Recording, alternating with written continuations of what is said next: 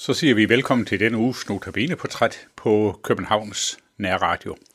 I teknikken sidder Jan Nørgaard, og her i studiet sidder Mogens Sørensen, som skal holde Notabene-andagter for os den kommende uge. Og så er jeg her, og jeg hedder Viggo Vive. Før jeg snakker lidt mere med Mogens, så skal vi høre øh, sangen Nåden som bærer, og det er Louise her, der synger den.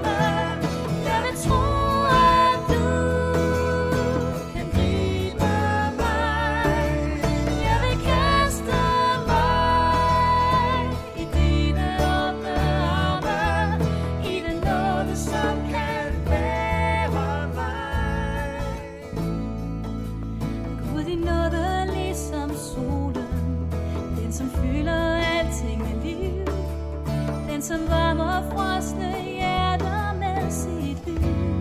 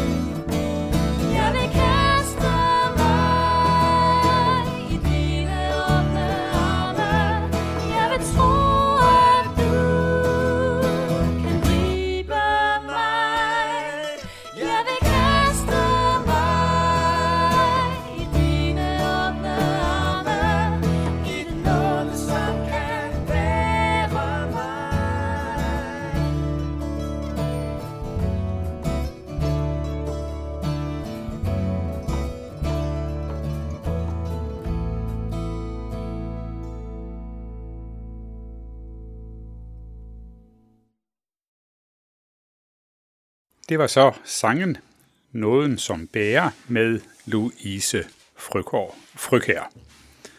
Som nævnt, så har jeg siddet jeg her sammen med Mogens Sørensen, som skal lave notabene andagter for os den kommende uge.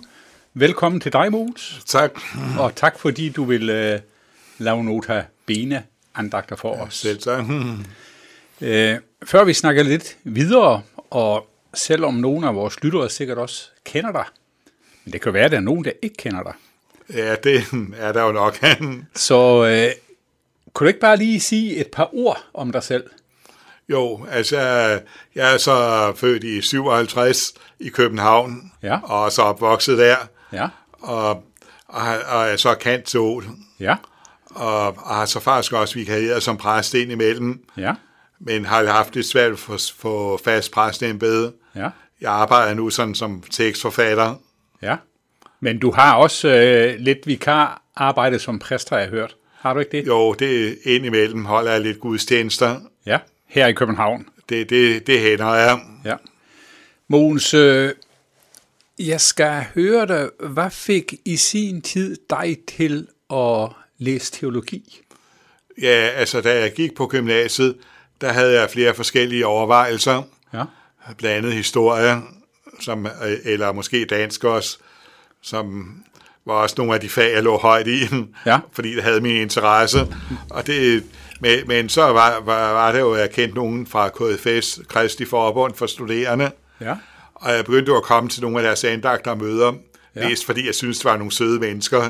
Okay. Jeg, jeg, jeg, har, jeg havde ikke nogen kristen baggrund eller noget, Nej, okay.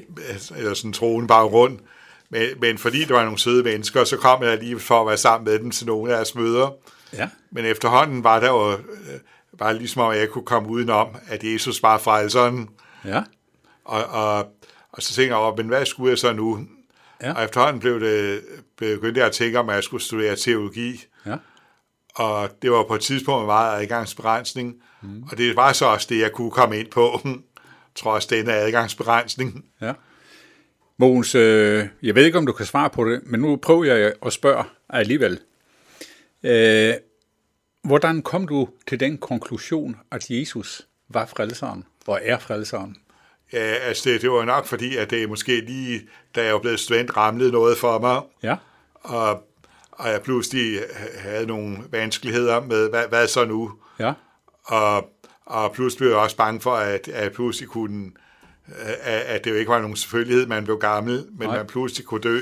Ja. Og der begyndte jeg at indse, at der er jo en, der har overvundet døden, Ja. og der er jo også en, der kan føre en videre. Mm. Og, men så tænkte jeg, men var jeg virkelig værdig til det? Men der kunne jeg så se, at han har jo båret alt væk. Alle vores sønner væk. Ja. Fantastisk. Ja, det var så faktisk på en KFS efterårslejr, Ja, okay. hvor jeg så faktisk øh, øh, blev sådan lidt øh, forvildt erkendelse af, at Jeremias, profeten Jeremias, det var tekster fra ham, der blev gennemgået på den Ja. efterårslejr. Han sagde, jeg ved, hvilke tanker jeg tænker om jer. Tanker om fred og ikke om ulykke. Præcis. Ja, Gud vil jo ikke vores ulykke, Nej. men han vil jo fred med os. Ja. Mogens, jeg kunne egentlig godt have lyst til at spørge dig. Øh, nu nævnte du selv, at du ikke kom fra en, øh, en kristen familie som sådan. Øh, hvad sagde din familie til, at du sådan lige pludselig øh, fik lidt andre holdninger og den slags? De, de synes nok, det var lidt mærkeligt. Ja, Ja, nu er det ikke fordi, at, at, at min farfar, som jeg altså ikke har kendt, fordi han døde af kræft, før jeg blev født, Ja. han var jo sådan faktisk ægte gammel grundvigianer, ja okay.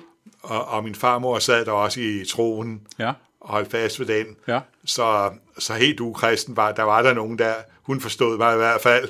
ja, ja, Altså, selvom det var sådan grundvigiansk kristendom, så var det alligevel sådan en konservativ slags grundvigianismen, ja, lige præcis. som ligger meget tæt på indre mission, Ja, ja, så, og ikke er så langt væk igen. ja.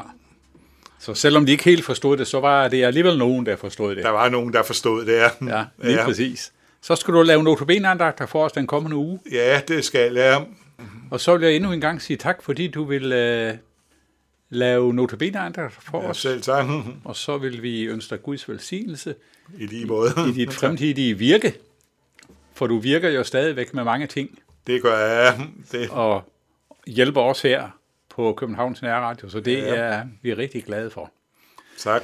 Så skal vi slutte det her notabene-portræt med at høre Louise Frøkær synge sangen Du levende ord.